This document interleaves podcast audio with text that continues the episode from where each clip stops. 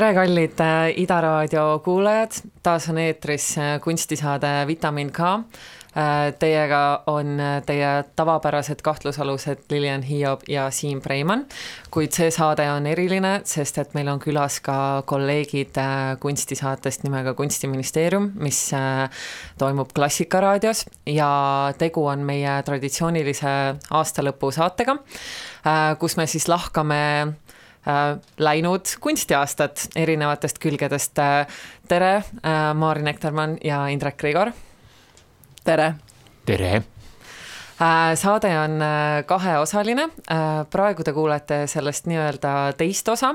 ja esimest osa, mis oli eetris Klassikaraadios kahekümne viiendal detsembril, saate te järgi kuulata Vikerraadio, vabandust, Klassikaraadio järelkuulamisest aga jaa, me esimeses tunnis arutasime põhiliselt äh, kodumaiseid näituseid, kuskile väga palju kaugemale ei jõudnudki, sest et nagu me avastasime, siis olenemata koroona-aastast ja lockdown idest tegelikult äh, kunstielu õitses. Aga võib-olla siis selle saatetunni sisustaks järgmiste teemadega ja võib-olla räägiks kunstikriitikast, kuna eelmine saade oli näitustele, siis see saade võiks alata kriitikanootidega. Äh, on teil midagi, mis teil on eriliselt kunstikriitika maastikul äh, silma jäänud, millele tähelepanu juhtida? Mina tooksin kõigepealt välja äh, kaasaegse kunsti Eesti Keskuse ja Eesti Kunstiteadlaste ja Kuraatorite Ühingu välja antud kriitikastipendiumid ja need anti välja käesoleva aasta alguses, need pälvisid Kaisa Eihe ja äh, Maria-Helen Känd. Ja on mõju näha ja mõlemad on kütnud päris korralikult erinevates kanalites, inimesed on tööd teinud ja tõesti see, ma ütleksin, ähm, üldine kriitikatase on juba tänu sellistele mõningatele aktivistidele tunduvalt paranenud ja täienenud. Ja võib-olla ma tooksin siit välja ka Äh, Urmas Lüüsi kolumni Sirbis, mis on mulle väga meeldinud ja tõesti motiveerib Sirpi usinavalt lugema. Ja võib-olla ka noortest kirjutajatest Aleksander Metsamärt, kes on ka tõeliselt äh, sule haaranud ja ei hoia siis oma, oma arvamusi mitte vaka all mul on täpselt sama list siia kirja pandud ja nad kõik on tõesti väga hästi esinenud kuidagi viimase aasta jooksul ja ma mäletan, me eelmises, eelmisel aastal rääkisime, et mida me siis ootame järgmiselt aastalt ja minu meelest seal oli ka mainitud see, et kunstikriitika on kuidagi madalseisus ja võiks toimuda mingi muutus, et me ootame ise noori kirjutajaid rohkem ja see kõik on läinud tõeks, me oleme manifesteerinud selle. On tehtud universumile taotlus ja loomeliitude ja keskuste abiga on universum meid kuulda võtnud ja on tõesti ilmutanud rohkem seda kriitikat. Jah, mulle ka Metsamärdi tekstid üldiselt meeldivad, vahel jäävad nad mulle natuke liiga nunnuks, aga ma arvan, või mitte nunnuks, aga kuidagi mingi niisugune hästi hästi mega subjektiivsed ja siis niisugune, niisugune Läila vibe tuleb nagu minu maitse poole pealt nagu peale, aga ma arvan, et sellist just, just lugesin tema seda intervjuud äh, Editiga. Ja siis mõtlesin ka niimoodi, et noh, tegelikult on nagu äge, et on mingisugune noh, tekib ka seda formaati, et ongi hästi tugevalt subjektiivne on ju nii-öelda reporteri ülesandele saadetud lo loominguline kirjutaja, kes nagu pigistab sealt ikkagi mingisuguse äh, mingisuguse muu asja nagu välja, mitte sellest ei jää lihtsalt reportaaž, käisin stuudiosse, kunstnik tegi tööd, vaid sa näed sealt ka nagu kirjutaja sisse, et selles mõttes igal juhul kiiduväärt ja keda see minu maitse ikka nii väga huvitab. nüüd äh, võib-olla ma lihtsalt tahtsin jõuda ka selleni, et äh, käesolev aasta siis nüüd jääb ka sellele, eks ju, KEK-i ajakirjale sel-, senisel kujul nagu viimaseks, mis on selles mõttes nagu arusaadav, et pärast seda, kui KEK-i kollektiiv võitis selle nii-öelda Estonian Arti jätkamise konkurssi on ju, kuigi see ei jää vist selleks samaks, nad muudavad seda, siis ikkagi selles mõttes on mul nagu kahju, et äh, minu jaoks nagu see KEK-i ajakiri täitis väga konkreetset nagu lünka või kohta nagu kohalises nagu kunstist kirjutamise noh, ma ei tea, väljal siis on ju, et ta on eestikeelne, seal olid need teemafookusega kuud äh, ja ikkagi noh, selles mõttes muidugi, et äh, mingisugune põgusus kumas sealt nagu vahepeal nagu läbi, aga ikkagi ma arvan, et teemapüstitused olid nagu väga head ja ta kõvasti ikkagi nagu leevendas senisel kujul seda noh, puudujääki siis nagu kui teistes meediumites, noh kunst.ee ka nagu mulle tundub, et ka seal on nagu see potentsiaal olemas, mingisugune sarnane selline meie enda oma väike klantsajakiri on ju emakeelne ka veel, aga ta ilmub nagu liiga harva ja tas ei ole nagu sellist argilist nagu aktuaalsust sees, mida see KEK-i formaat nagu võimaldas. Ja noh, praegu noh, sorry, ma olen muidugi teada-tuntud selline lokaalselt tegutsev kuraator, aga et selles ingliskeelses ajakirjas on nagu minu jaoks midagi nagu hirmutavat võib-olla ees jah, ma ise tegelikult panin selle KEK-i uue ajakirja kirja kui üks asi, mida ma uuelt aastalt äh, ootan põnevusega, aga samas tõesti ma olen nõus, et äh, ühest küljest muidugi see ingliskeelne ajakiri on võib-olla selline kunstidiplomaatiline liigutus, on ju, et, et just, et äh, välja teised agendid kuskilt rahvusvahelisest kunstimaailmast saavad rohkem teada Eesti kunstiväljast ja nii, aga teisest küljest tõesti, et kuna ma ise kirjutajana ka tunnen, et ma olen väga mõjutatud International Art English'ist ja see lihtsalt tegelikult, see eestikeelne profess-, nagu kunsti professionaalne sõnavara vajaks väga palju nagu läbikirjutamist ja täiendamist ja ja see nüüd jääb küll nagu vajaka jah, selle ingliskeelse puhul, aga see ei tähenda ju, et see on ainukene ajakiri, mis nüüd toimetama ja tegutsema hakkab, et äh, võib-olla tuleb sinna kõrvale mõni eestikeelne alternatiiv. et selles mõttes on sellel inglise keelel ka oma koht, et näiteks kui mul on käinud nagu välisküla, külalisi või ma olen pidanud kedagi vastu võtma hoones, on ju, ja siis tulevad mingid teemad üles ja hakkad otsima kähku neid artikleid, et mida oleks nagu lugeda, et me oleme ka väliskülalistele või külaliskuraatoritele põhimõtteliselt nagu tellinud tõlkeid ilmunud nagu ülevaadetest või kriitikatekstidest, sest et lihtsalt inglise keeles nagu seda ei pruugi selle kunstniku või selle teema kohta nagu seda materjali olemas olla. Ja noh, väga hea, et meil see kunst.ee on tegelikult kakskeelne, sest et tihti ma saan nagu joosta selle juurde ja selle PDF-i nagu üles leida ja ma saan sealt nagu selle mingisuguse teema teksti võib-olla kätte, et ma ei ole nagu pime selle osas, mida see leht tegema hakkab, aga aga ta muutub, noh, nad, nad saavad olema juba sellelt noh, eks näis, mis see sisu saab olema, mis see toon hakkab olema ja kõik see on ju need teemad, aga et juba lähteülesandelt nad on nagu erinevad asjad, et äh, mul on tunne, et siin ma ei tea, mõni teine keskus või ma ei tea, kes saaks siis selle emakeelse nädalalehe üle võtta. Aga võib-olla siit peaks tulema nagu ettepanek äh, KEK-ile, et nad minu meelest vist praegu ka teevad mingisugust sihukest eelküsitlust, et mida uuest ajakirjast oodatakse, et oletades, et väga palju nendest artiklitest, mis seal ilmuvad või vähemalt, mis omal ajal kunsti, e-, e-, Estonian Artis ilmusid, need algselt on ju eesti keeles kirjutatud, et et ma kujutan ette, et kui see artikkel on nagu eesti keeles kirjutatud, siis see eestikeelne toimetus selleks, et seda eestikeelset ka kuidagi veel eraldi välja anda, ei oleks nagu palju või, või noh, et, et need asjad, mis on nagunii eesti keeles kirjutatud, et need võiks ju siis saada ka eesti keeles publitseeritud jah, juhul kui nad on eesti keeles kirjutatud, aga ei saa ka kõiki ülesandeid panna, ma arvan, ühele väljaandele. ja ei, ma ei üldse, aga, aga lihtsalt ma, ma oletan, et seda on üsna palju, sest ma mäletan Estonian Arti ajast, et nad suisa ise julgustasid, et kuulge, et kirjutage eesti keeles, et noh, et see tõlge tuleb palju parem kui see, et te siin nüüd üritate inglise keeles kirjutada, et. ja, ja, ja need eestikeelsed tekstid ei pea olema tingimata ajakirjas, need võib ju ka vabalt lihtsalt nagu netti riputada või noh, neil ei ole ju mingi probleem tekitada mingi arhiivikene sinna äh, kuskile juurde, et, et ma arvan, et sellest oleks äh, kusjuures, kusjuures see, mida mina jään äh, selle KEK-i online ajakirja puhul taga igatsema, üks on jah, need äh, artiklid ja võib-olla ka sellised julgemad ja subjektiivsemad ja isiklikumad ja köögipoolsemad teemafookused, mis neil olid, aga tegelikult ka seda kuhu minna ja mida teha rubriiki. Et ma olin väga üllatunud tegelikult, kui nad nüüd aasta lõpul tulid välja selle infoga, et ühe alustamine tähendab teise sulgemist tegelikult ja ma arvan, et jääb tühik ja, ja minu jaoks see KEK-i online versioon või online ajakiri, nad viimasel ajal nimetasid seda mitte uudiskirjaks, vaid ajakirjaks aga et see tegelikult, äh, selle nišš oligi just võib-olla erialasele publikule suunatud, et kogu selles näituste melus, sündmuste melus selline väike oma äh, omalt poolt ümber mõtestatud soovitused, kuhu minna, mida teha, olid väga väärtuslikud, et see auk tegelikult jääb nüüd minu meelest täitmata, et täpselt kindel, et see nüüd jääb ka ära või? See... ei, minu arust kõik jääb ära, kogu okay., kogu kompott mm. -hmm. ja et just see, sellele publikule, kes on nagu ise kunstivaldkonna inimesed, aga teiselt poolt võib-olla ka sellised väga aktiivsed kunstitarbijad, et mis aitaks orienteeruda. ja minu arust ma lugesin suure huviga neid põhjendusi. Ta kohe sellise tarbijana ähm, otsisin, kuidas nad, kriitilise tarbijana otsisin, kuidas seda põhjendatakse ja nad toovad välja, et et neil on tekkinud nii palju meediakoostöid, mis siis seda kuidagi asendavad, et tõesti, ma arvan, et siin rubriigis tuleb ka need välja tuua, et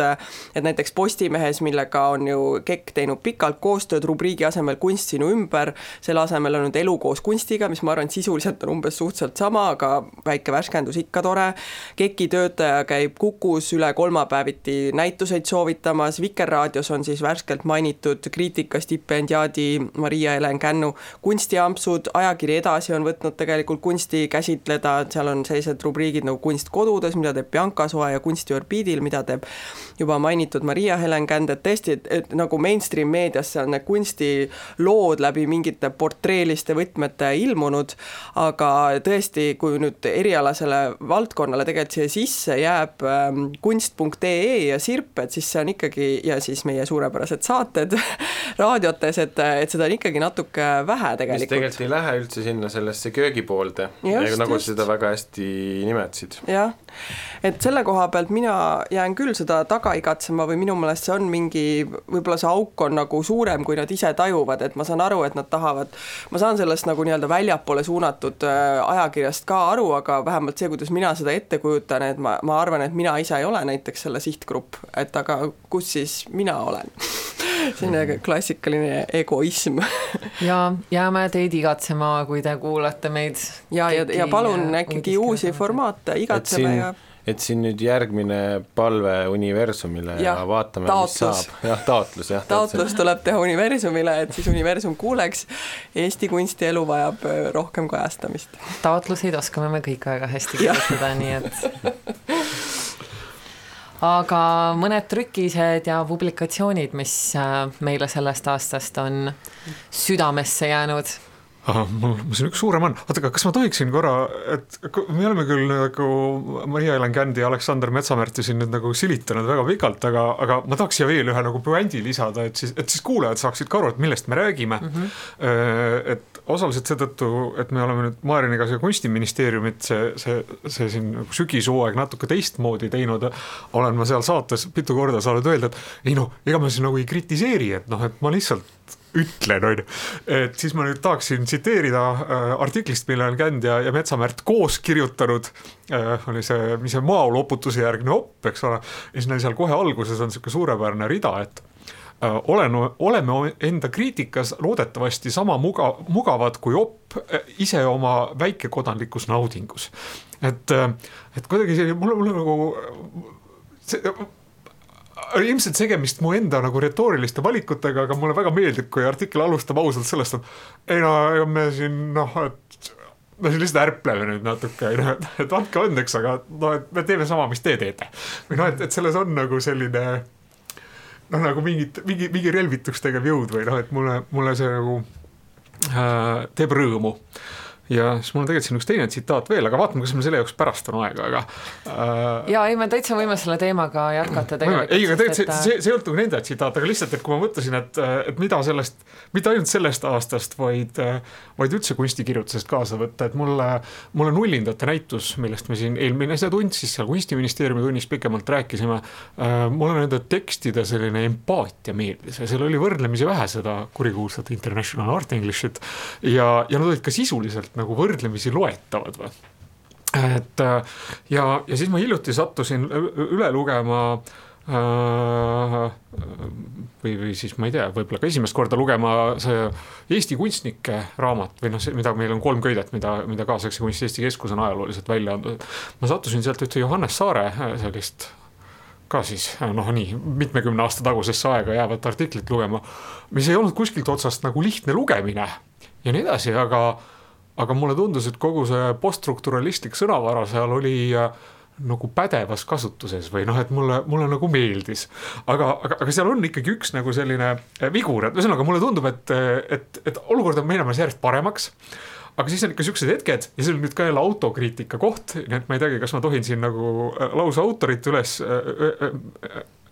aga, aga ka mina kirjutan järgnevaid lauseid ja ma nüüd vabandan, ma kindlasti ei ole võimeline seda lauset ilma vigadeta üles lugema, aga ma proovin ühelt poolt on Muravskaja fotosarjad, mis kujutavad Eesti noori kunstnikke laulva revolutsiooni keskseid kujusid, noori rahvuslasi, Eesti-Vene kultuuritegelasi, NATO liitlasvägede sõdureid või noororganisatsioonide Noored Kotkad ja Kodutütred liikmeid psühholoogiliselt tabavad. nii üksikisikute kui ka kollektiivsete kujundite portreed. Teiselt poolt aga identiteeti ja kogukonda, mälu ja ajalugu põlistavate narratiivide problematiseerivad kõnelused, mis ei paku valmis vastuseid, vaid kutsuvad vaatavat, vaatajat mõtlema ja arutlema. see oli üks lause. ei no diagnoos on selge see, see ei olnud minu lause, aga, aga mul, mul nagu, mul ma, ma sain niisuguse äh, üleva tunde seda lugedes, et jaa, et nüüd ma saan aru, aru, kui mulle sealt, äh, sealt äh, noh, nii-öelda siis avalike suhete jutumärkides osakonnast, et kuule, Grigor, et lugesin mitu korda, mitte ei saa aru, mis panin paar punkti, et, et, et, et ma, ma, ma ka püüan, aga noh, et, et mul on tore, et ma ei ole ainus. sa arvad, et see on niisugune uusaasta lubaduste rubriik, kuhu me oleme juba vaikselt ja ei, lihtsalt, aga ma olen läbi kogu möödunud aasta üritanud, et ma ikka ja, ja et ma üldse märkan sellist lauset ja tähele panen, teeb juba nagu ju tuju heaks, et lihtsalt ei loe tuima näoga läbi, vaid vaata, et mm, näete siis aga kui me nüüd nagu, nagu siis lõpuks nendest trükistest räägime, siis äh, minu jaoks see aasta kulmineerus äh, Tõnis Vindi äh, kogutud artiklitega. ma arvan, et Paranoia kirjastus sellega nagu hüppas üle oma varju, et selle andsid siis välja noh, Paranoia ehk siis Kiva, Elnara Taidre ja Eva Vint. on Faksimiilje ehk et need artiklid on seal äh, nagu siis Tõnis Vindi kujundusega, sest Vint äh, kõigepealt ta ka tegi ise kujundusi ja, ja, ja nende nagu see lehekülgede küljendus oli, oli kohati nagu väga oluline, no mingite ajalehe intervjuude puhul ausalt öeldes ei ole väga oluline, aga, aga, aga, aga nii mõnelgi juhul oli, on, on, on Vindi küljendus ka tema artikli osa sisuliselt. ja mulle tegi veel erilist rõõmu, et kõik see on tõlgitud. et, et see on nagu midagi sellist, mida ma olen äh, Läti kaasaegse kunstikeskusele üritanud selgeks teha, kui nad oma nende korüfeede äh, kogumikke annavad välja, et teate, et noh, et see oli see, see NSRD jah, see Hardis Ledinš ja Juris Boiko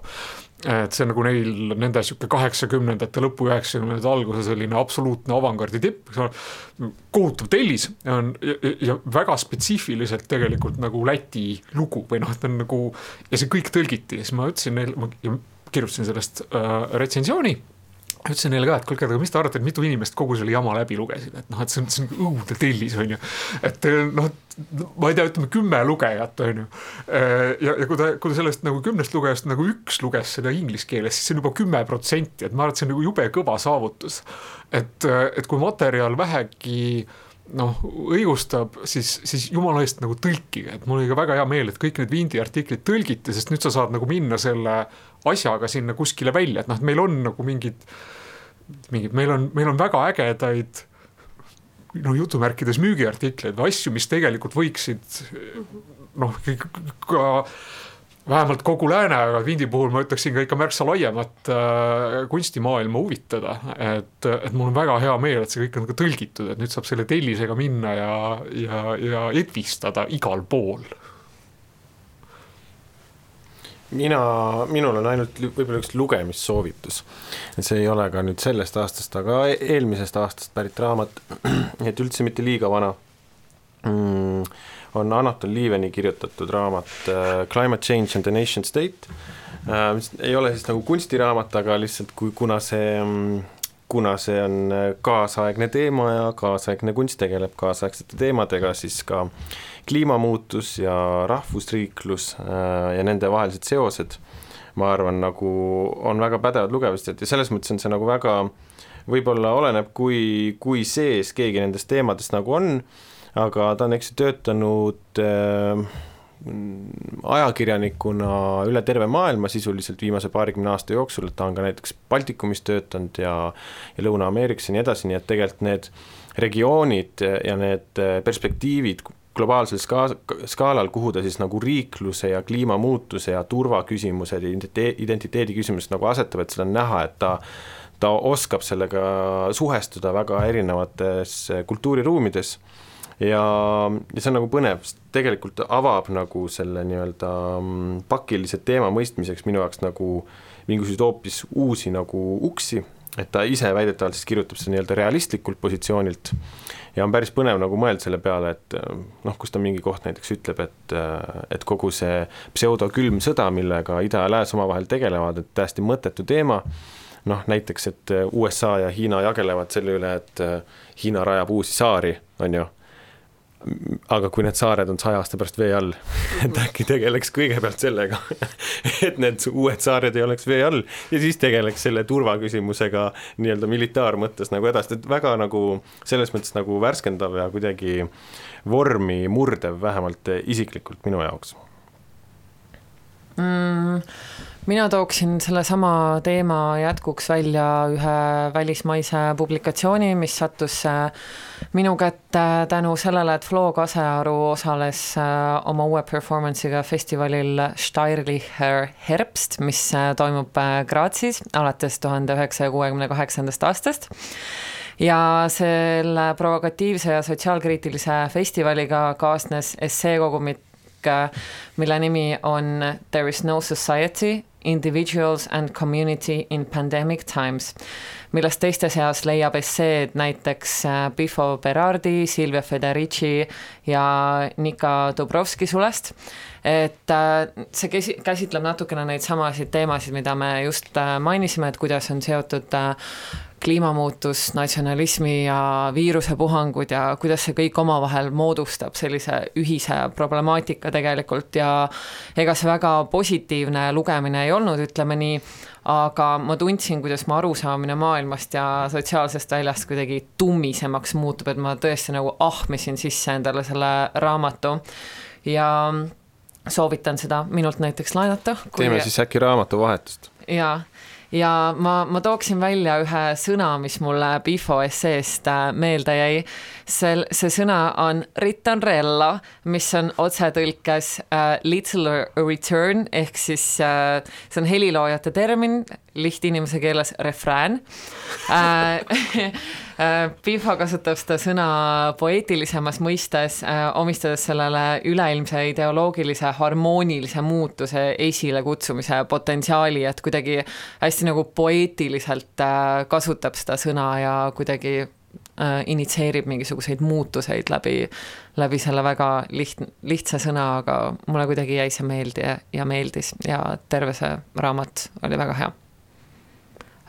Indrek, sa tahtsid midagi öelda, vahepeal ma nägin. ei, tegelikult ei ei tahtnud? kui ei tahtnud, siis mina tahaks veel hüpata, see on nüüd väga hiljutine tekst, aga tegelikult teema kindlasti ei ole nagu vana. Tanel Rander nüüd avaldas nüüd täna rääkides veel vist viimasest sirbis, eks ju, teksti Kui turbiinid pöörlevad, aga vesi seisab. Äh, juba pealkiri ise tekitab nagu paralleele Äh, esseega, mis ma palusin tal kirjutada enda näitusele Hea olemise kunst kaks aastat tagasi, kus oli ka vist, et äh, allavoolu ujuvad ainult surnud kalad või ma ei mäleta, mis selle, mis selle nagu nimi oli, aga ühesõnaga seisva vee, liikuva vee, elamise, suremise teemadel, seekord siis äh, puudutab puudutab tegelikult, jõuab nagu ütleme, vaimse terviseni ja üldse selleni, et noh, armastuse roll kunsti ja kultuuriloomes ja miks me teeme seda kõike, mida me teeme ja nii edasi et äh, selle asemel, et äh, ma lugesin seda kiiresti näituse paigaldamise ajal, ma ei ole praegu kindlasti pädev inimene väga sisuliselt seda kritiseerima, aga Tanel, tubli töö jälle, aitäh sulle väga mõnusa lugemise eest. Ja need lihtsalt on mingisugused teemad, mis on minuga läbi selle aasta nagu väga resoneerunud, mulle nagu meeldis see, et me nüüd esimeses tunnis nagu ei hakanud üldse puudutama seda nii-öelda mm, seda pinnast või seda konteksti, milles on kõik need näitused tegelikult olnud sunnitud nagu tekkima ja see on üldse täiesti eraldi asi, millest rääkida, et äh, mina, eks ju, asutuse töötajana tundsin küll täielikku kurnatust ja kogu meie kollektiiv tundis totaalset kurnatust umbes septembris-oktoobris, kus siis juhtus see, et äh, projektid, mis olid eelmisest aastast edasi lükkunud, hakkasid kõik järsku korraga toimuma, siis see suvevaikus nagu lõppes, on ju, nii et see sügise värk tuli peale ja siis veel mingi ja, ja need projektid, mis olid edasi lükkunud, olid rahvusvahelised ja siis sa pidid veel oma tavalist programmi, mis sul oli juba varem kokku lepitud, ka samal ajal täide viima, ühesõnaga, et see ähm, kui see oktoober-november nagu läbi sai, siis me umbes kõik koos istusime maha ja mõtlesime, arutasime arutasime seda erinevates koosseisudes, et äh, mida me teeme ja miks me teeme ja kui palju me teeme ja kui asutuse nimi on kunstihoone, et siis mitu residentuuri on optimaalne ja kui mitu välisüritust on optimaalne ja nii edasi, on ju. et mis, äh, mis küsimused oleks võib-olla niikuinii pikas plaanis jälle nagu peale sellist kunstivälja mõttes nagu startup ilikku kasvu nagu pidanud varem või hiljem nagu lauale tulema aga ma arvan, et see on, selles on midagi, mis peegeldab väga paljude teiste loojate kogemust, sest et äh, alles hakkab, eks ju,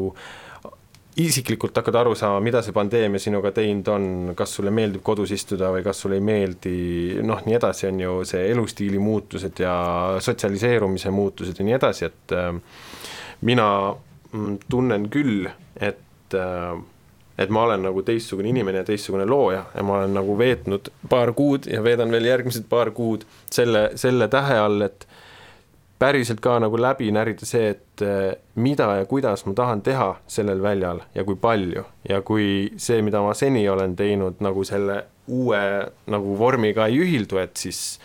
noh, mida me saame veel teha või mida muuta, et üldiselt on muidugi niimoodi, et ähm, näitused on, eks ju, pikenenud äh, kunstijoones äh,, kõikides galeriides tegelikult, võib-olla mitte nii palju kui kunstijoones, aga üle Eesti on, eks ju, näitused, mit-, kaugeltki mitte nii palju, aga üle Eesti on nädalake nädalakese haaval vaikselt lähevad näitused pikemaks, mis tähendab seda, et summa summarum ikkagi ütleme, täna versus kümme aastat tagasi on ju see noh, see hulk produktsiooni, mis sa nii-öelda paned ühte näituse sisse, et ta on kuidagi nagu ausam aga teistpidi see tähendab seda, et mida pikemad on näitused, seda paksemaks nad lähevad, seda rohkem sa pead hoolitsema nendest, on ju, nende lahtioleku ajal. ma kardan, et nüüd ma lähen juba nagu rändima, aga ma lihtsalt tahtsin avada kuidagi seda ust, mille me hoidsime viisakatena selles, ähm, selles, äh, kuidas ma ütlesin saate alguses,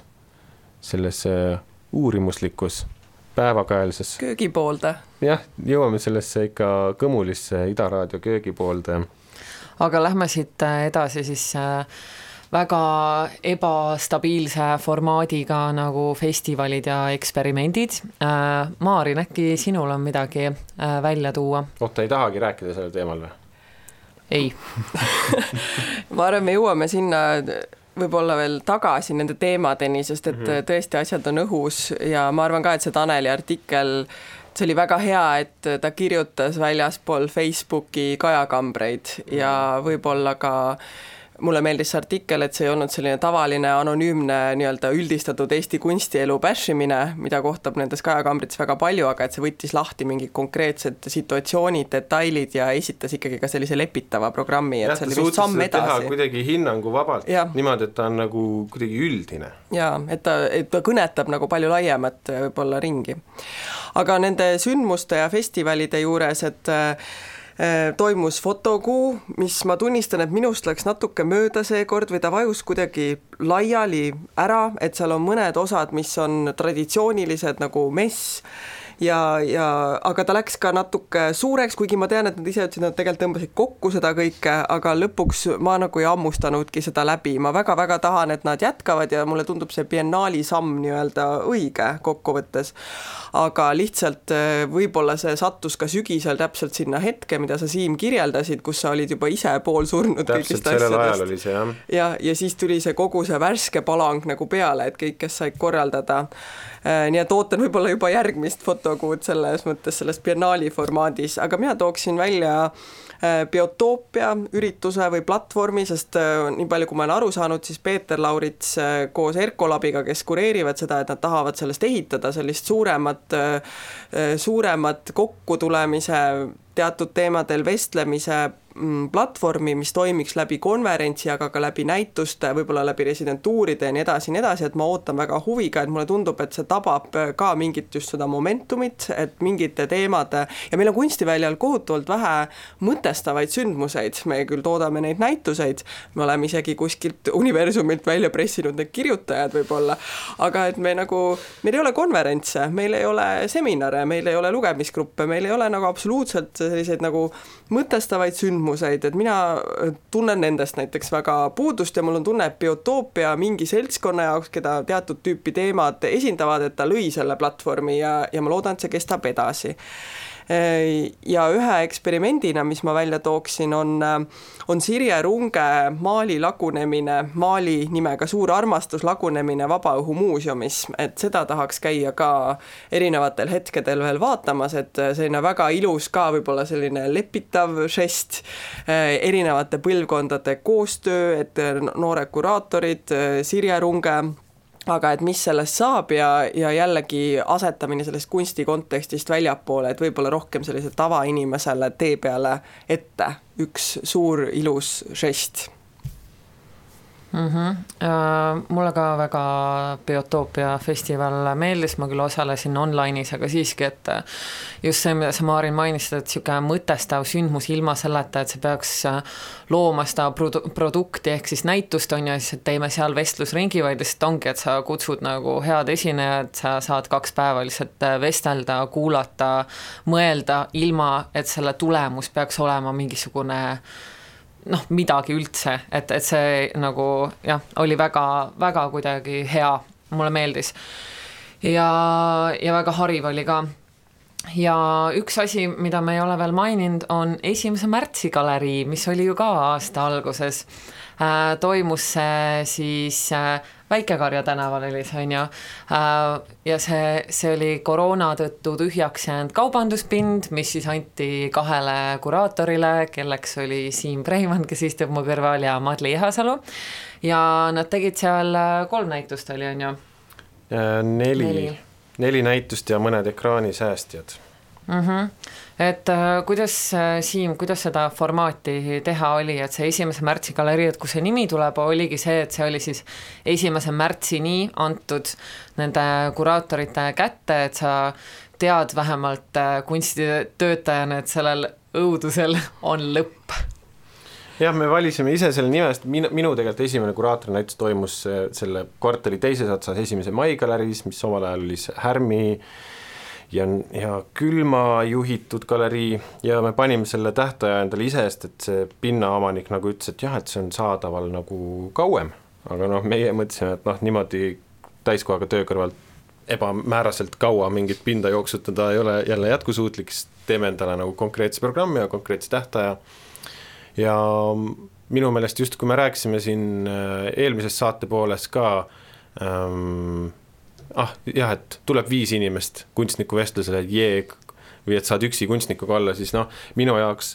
töötades muidu, eks ju, asutuses, mis teeb ligi kolme kuu pikkuseid näituseid äh,, produtseerib nagu suurelt, siis äh, noh, enda galerii, galerii siis mobiilsete platvormide äh, nii-öelda mobiilseid platvorme äh, kaardistava näituseprojekti ma tegin, kolme päeva pikkuse, istusin seal üksi galeriis ja seal käis viiskümmend kuus inimest ja ma tegin kõigile neile tuuri ja ma rääkisin nendega juttu ja noh, et see on hoopis, et selles mõttes ta minu jaoks nagu täitis mingisugust äh, tühikut ja tuletas mulle meelde, tuletas mulle meelde äh, algusaastaid äh, üksik tegutsejana ja nii edasi. Ja noh, muidugi see kontakti kvaliteet on hoopis teine nii sulle kui vaatajale, et noh mm -hmm. üldse ei alahindaks seda viitekümmet kuute külastust. ei, ei kindlasti mitte, see ongi, ma pidin siis ka seletama väga palju, et inimesed vigisesid, et miks sa nii vähe teed, ma ütlesin, et no ma teen seda ise, ma teen täpselt nii palju, kui ma jõuan. Ja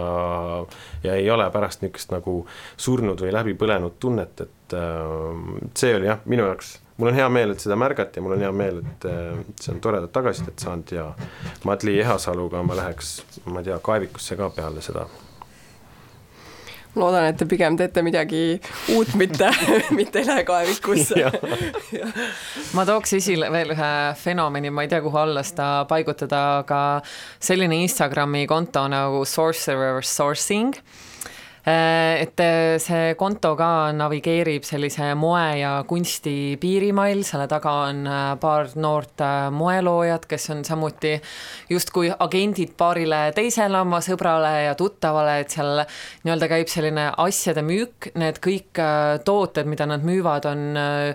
taaskasutatud, ehk siis nad on sekkaritest ostnud kokku mingeid koledaid fliise ja sviitreid ja teinud sellest midagi täiesti ulmeliselt hullumeelset, et minu meelest see läheb täpselt sellise sellise esteetilise laine alla, mida ma ise uurin, milleks on posthumanismi uus esteetiline laine kaasaegse kunsti trendis, et nad kuidagi on jälle tabanud mingit sellist äh, tuleviku mingit niisugust tumedust ja, ja sellist nagu paranoiat ja, ja seda kuidagi sellise moe ja kunsti piirimail nagu välja toonud, et mind küll nagu kuidagi tabavad nende asjad alati, et ma ei teagi, kas need on nagu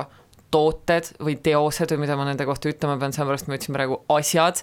aga ma väga soovitan Instagramis neid jälgida, et neil on tõesti see esteetika on väga eripärane ja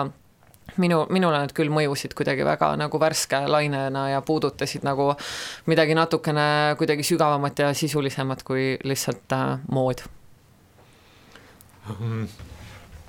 vot mul nende kunstifestivalidega kuidagi, ma ei teagi, millegipärast ma mõtlesin, et peaks lihtsalt nii ära mainima, et Tartus toimus valgusfestival, et mul ei olnud küll häbi küll, aga mul ei olnud väga aega seal ise osaleda, et ma ei, ma toimetasin mitut kataloogi, mis tuleval aastal valgust näevad ja, ja, ja vist ka kirjutasin mingit retsensiooni või midagi, aga ma raamatukogu aknast nägin, kuidas massid äh, on, on äh, kesklinnas ja, ja, ja, ja ka koju minnes lihtsalt paratamatult jalutasin nii mõnestki installatsioonist läbi. et, et, et see nädalake, mille jooksul Tartus toimus, see oli ikkagi hästi kummaline selline rahvamass, et ma ei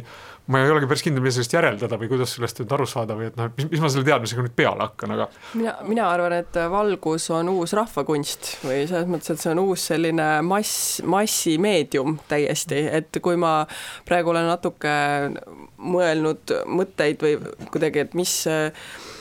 erinevaid taotlusvoore lugedes, et siis tundub jah, et see valgusfestivalide laine on ikkagi üle Eesti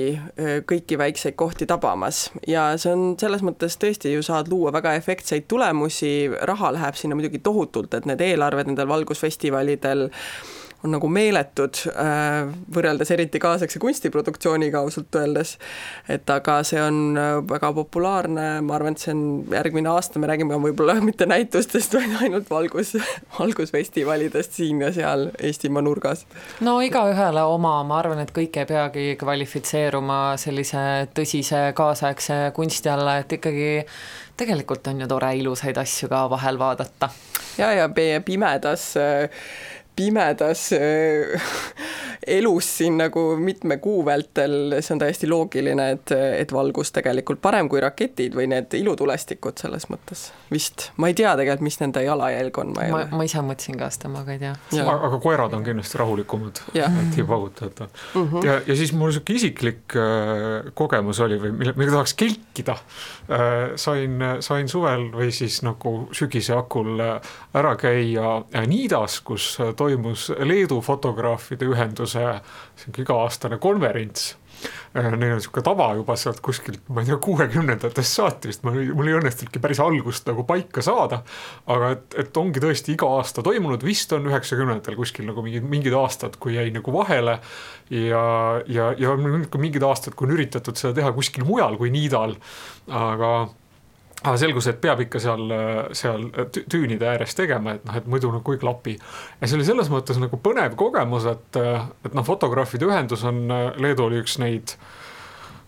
kui mitte vist ainus jah, Nõukogude Liidu liit, riik, kus oli fotokunstnike ühendus ja nii et see ongi nagu noh, nagu loomeliidu konverents.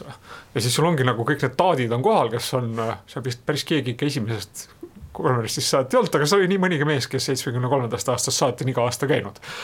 ja, ja, ja, ja need ettekanded nagu, kõigepealt olid rahvusvahelised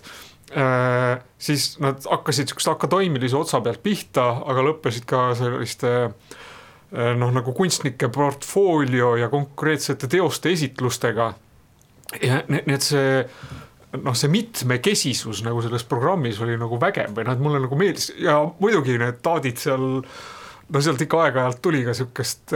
no mängimat kommentaari. ja, ja, ja, ja need see, see, see nagu lõhe teineteisest arusaamises oli ka nagu olemas, aga nad ikkagi olid kõik seal nagu korraga kohal. et mulle see, see, see meeldis või no selle üritusega noh, noh, see oli üle saja inimese kindlasti saalis kogu aeg. et, et, et mul oli natukene nagu suisa kade meel või et kui Maarin ütleb, et neid mõtestavaid sündmusi on vähe, siis, siis noh, ma umbes seda jah, et aga ma tunnen isegi väiksematest asjadest puudust, et, et kus on Kadi talvekool ja nii edasi, et et, et, et, võib-olla see Kumu konverents jääb väheks, et võiks, võiks, võiks veel konverentse olla mm. -hmm. Uh, minul oli kade meel ühe ühe sellise sündmuse või festivali või sellise pikaaegse projekti üle, mida ma sattusin kogema Helsingis, see on Frame Finlandi projekt uh, Rehearsing Hospitalities ehk siis külalislahkuse harjutamine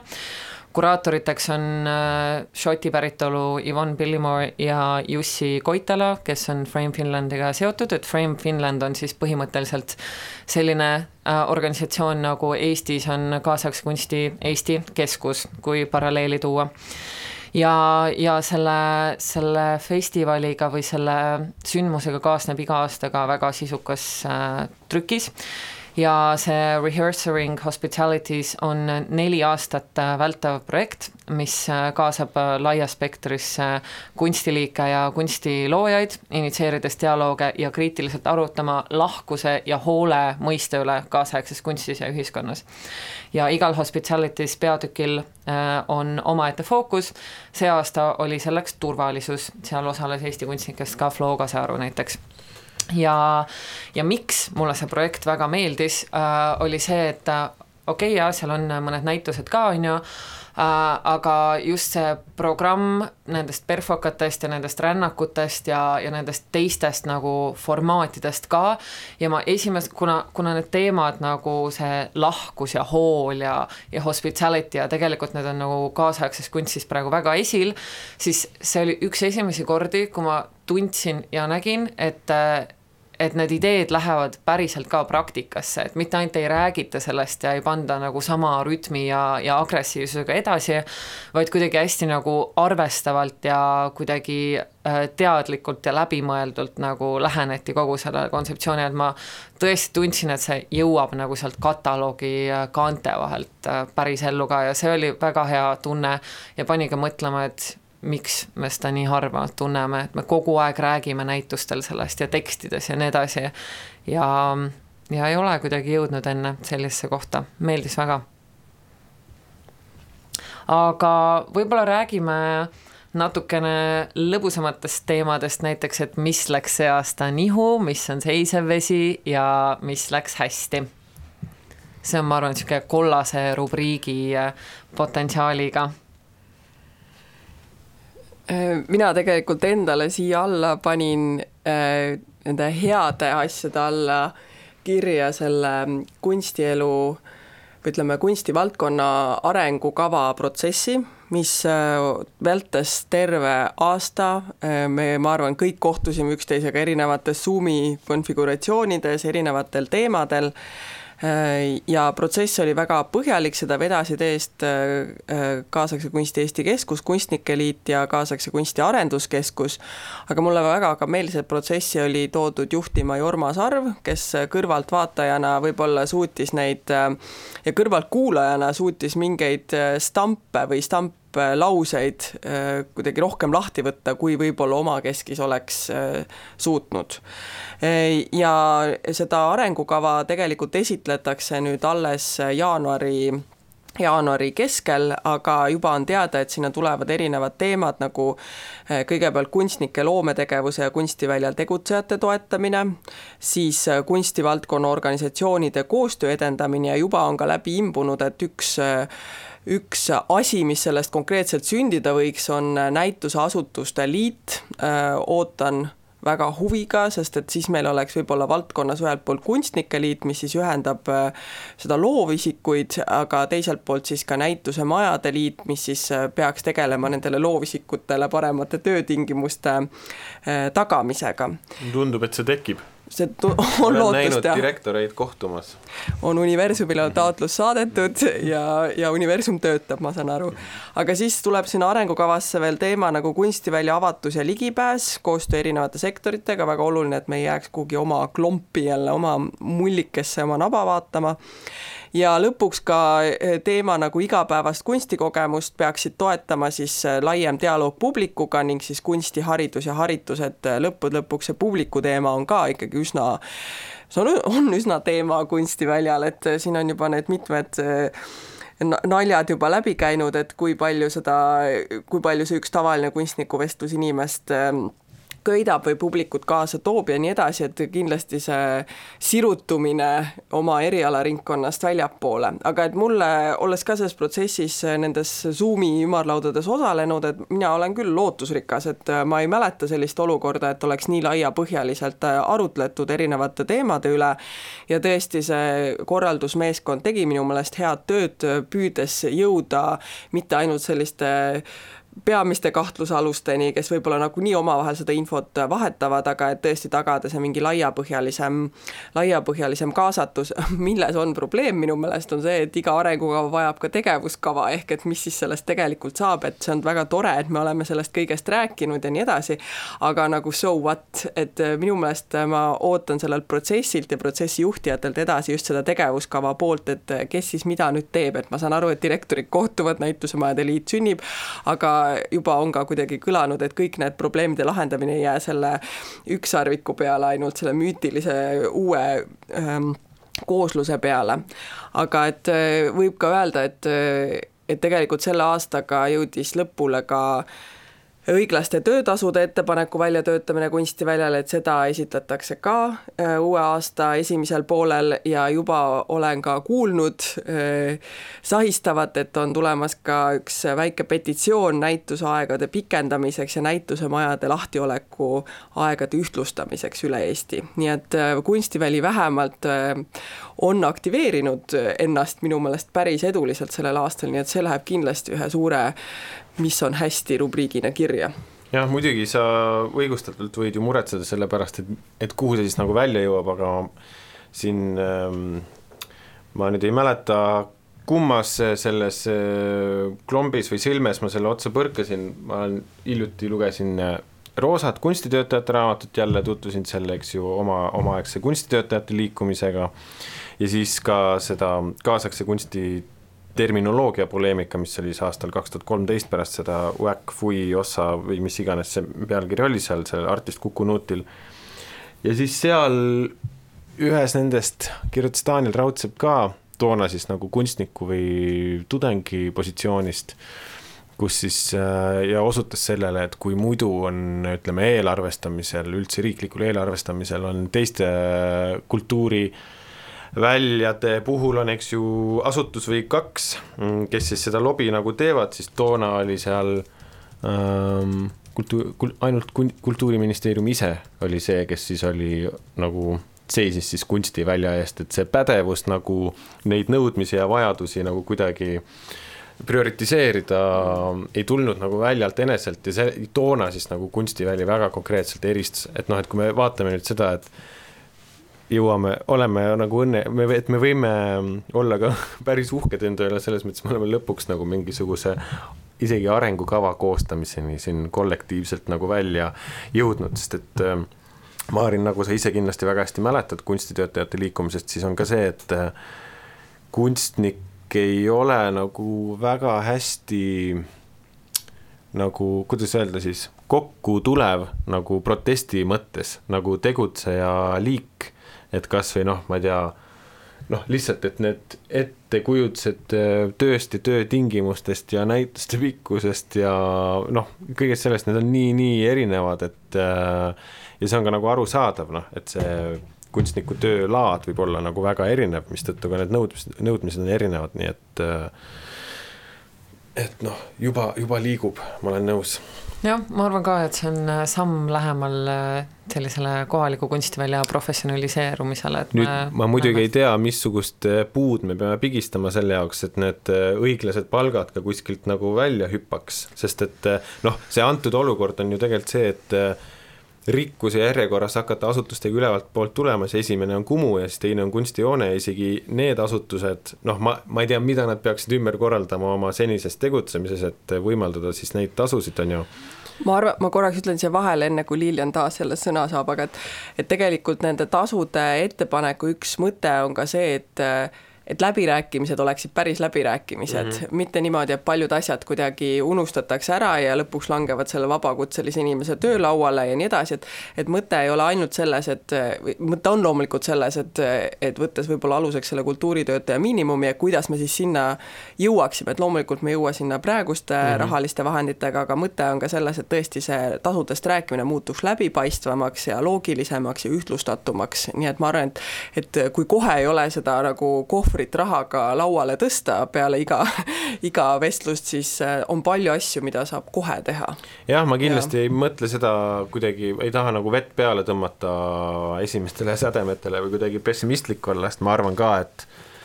et ähm, noh, kõige ümmarguses, kõige paremas mõttes, et tegemist on nagu fantaasia probleemiga, et äh, kui meil on see number ees, siis on nagu ka mingi motivatsioon selle fantaasia käimapanemiseks, et äh, kust need vahendid tulevad ja, ja mul oli ka selle seisva vee kaldkriips niru all see, et kultuuritöötajate palgad on seisev vesi. Ja see on masendav, aga loodame, et arengukava ja sellele järgnev tegevuskava äh, on muutuseid toov. kas meil nüüd mitte ei tule sajakene brutot vähemalt riigipalgalistele kultuuritöötajatele juurde, nii et äh, juhhei, see arvete maksmine see läheb natukene nali lihtsamaks, aga noh, selles mõttes, et äh, vabakutselise ja riigipalgalise vaheline lõhe jääb ja keskmine, su, jah, suureneb ja see jääb ja suureneb ja, ja eks ju elukallidus jookseb eest ära, et äh, on ma olen isegi oma nii-öelda soojal kohal väga teadlik sellest, et on et arvestades seda, millises vaesuses elab Eestis inimesi, ei ole see üldse mitte täiesti võimatu palk, see kultuuritöötaja miinimum, millega ära elada, aga arvestades ka seda, et see keskmine on ikkagi juba sealt kõrgemal, siis ma arvan, et noh, me kõik, kõik Eestis on väärt paremat sissetulekut. nõus uh jätkates nendel veidi poliitilistematel teemadel, siis äh, ma panen siia põmaka ja ütlen, et äh, minu hästi läinud listis on see, et äh, Anneli Ott astus kultuuriministri kohalt tagasi ja asi ei ole selles, asi ei ole tema valikus vaktsineerida või mitte, aga kui on riiklik kord, et sa pead kultuurisündmuste külastamiseks olema vaktsineeritud ja see on kultuuriminister, kes välistab siis nagu enda, et, et ta saaks külastada neid sündmuseid, siis see on lihtsalt nii ignorantne et äh, lihtsalt jah, muidugi tal ei olnudki teist võimalust, kui Tõenäoliselt. astuda tagasi, aga lihtsalt, et, et jah, et kui see debatt käib nagu selle ümber, kas ta on vaktsineeritud või mitte, siis see on teisejärguline ja nagu minu meelest põhiline on see, et ta lihtsalt nagu välistas ennast selle žestiga huvitumaks üldse kultuurist. väike nali siia veel, et oota, kellest me räägime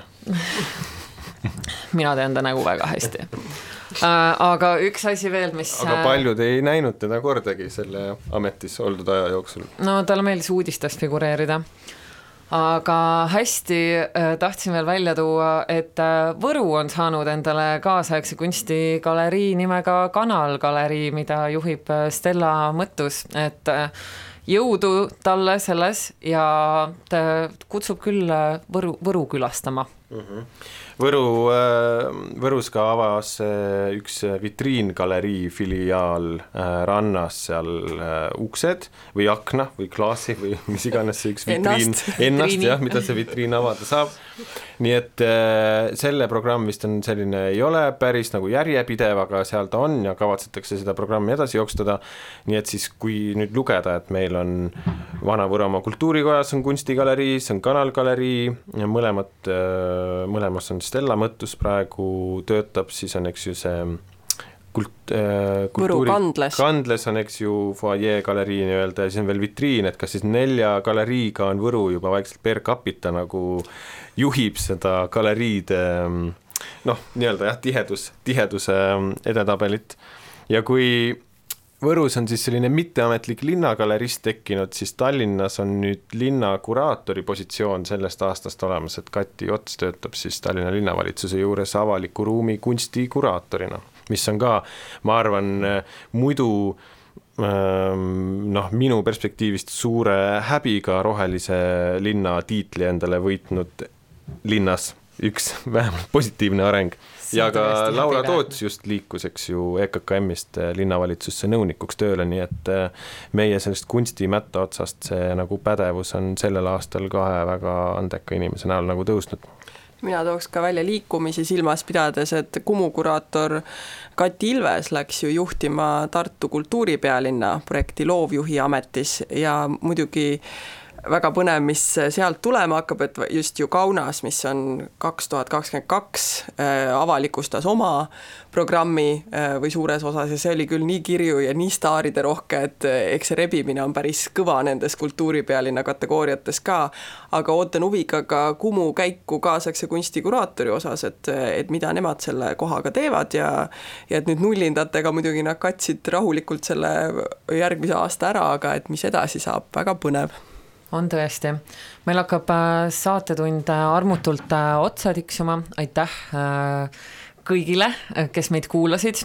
aitäh, Maarin, aitäh, Indrek, saatesse tulemast. kuulake Klassika raadios saate esimest osa, järelkuulamisest saab seda kuula-. kui te millegipärast olete täiesti segaduses peaga poole pealt meie juttu kuulama hakanud, siis nüüd on jah, viimane hetk seda esimest saatetundi järgi kuulata jaa, aga Indrek, sina oled äh, siin äh, vaikinud, äh, kas sa võiksid öelda saate lõpuks ühe kunstitöötaja uusaasta lubaduse? oota üks moment, ma kohe otsime välja, mis ma siia kõike kokku lubasin uh.... ta võib tulla otse südamest, sa ei pea oma märkmeid vaatama uh.. Uh. enesereklaami võib teha? lase tulla ma, ma, aga ma teen diiseri vormis, et uh, ma olen, olen juba, juba mõned kuud seda teinud ja kavatsen suurema osa uh, tulevast aastast olla sukeldunud Eesti fotoklubide ajalukku et see on niisugune suurepärane ajaloo episood, millest keegi ei taha mitte midagi teada, sest see on ju kõik väga õudne ja hirmus. Ja noh, mis, mis, mis saaks olla nagu veel parem asi, kuhu sukelduda kui see kõlab nõnda kõlab intrigeerivalt, tõesti. Maarin, sinu uusaasta lubadus?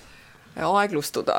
ikkagi isiklikus plaanis ja just nagu Siim ütles, et mõelda läbi, miks ma teen, mida ma teen, palju ma vajan ja püüda ikkagi võimalikult palju enda laualt äh, projekte maha saada ja vaadata, mis sellest tühjusest nagu mulle vastu vaatab niisugune eksistentsiaalne vaade. ja Siim? jah ma saingi oma selle rändi tehtud seal selle saat-, saate esimeses kolmandikus. me jõud-, me jõudsime sellesse rubriiki, kus ma oleks pidanud selle vist tegelikult tegema, aga jah äh,, täpselt samamoodi aeglustuda ja noh, kasvõi vähemalt ajutiselt, sest et ma arvan, et äh, kõikide jaoks on erinevatel põhjustel ja nende erinevate põhjuste koosmõjul see viimane aasta olnud suhteliselt intensiivne. nii et ma arvan, see väike paus saab olla ainult hea Äh, mis ei tähenda nagu tegevusetust ja mis ei tähenda kindlasti ka seda, et äh, ei oleks ambitsioonikas, aga lihtsalt, et äh, peab need prioriteetide nimekirjad natukene üle vaatama. jaa, ei ja ütlemine sina... on omaette kunst, ma arvan, et ma nõustun siin eelkõnelejatega, tõesti, tuleb aeglustuda ja süveneda rohkem. välja arvatud Indrek, kes, kes teeb tööd edasi. Tundub, et see on suht süvenemist vajav töö, nii et võib-olla nõuab ka aeglustumist. Aga aitäh kõigile, kes meid äh, kuulasid, kuulake yes. ka saate esimest osa Klassikaraadio järelkuulamisest, kunstiministeerium on esimese saateosa nimi. Ja kunstivitamiiniministeerium ka lõpetab just nii, külastage näituseid ja toetage oma kolleege ja sõpru. selles koosseisus jälle aasta pärast. head aega! head aega! Kuulmiseni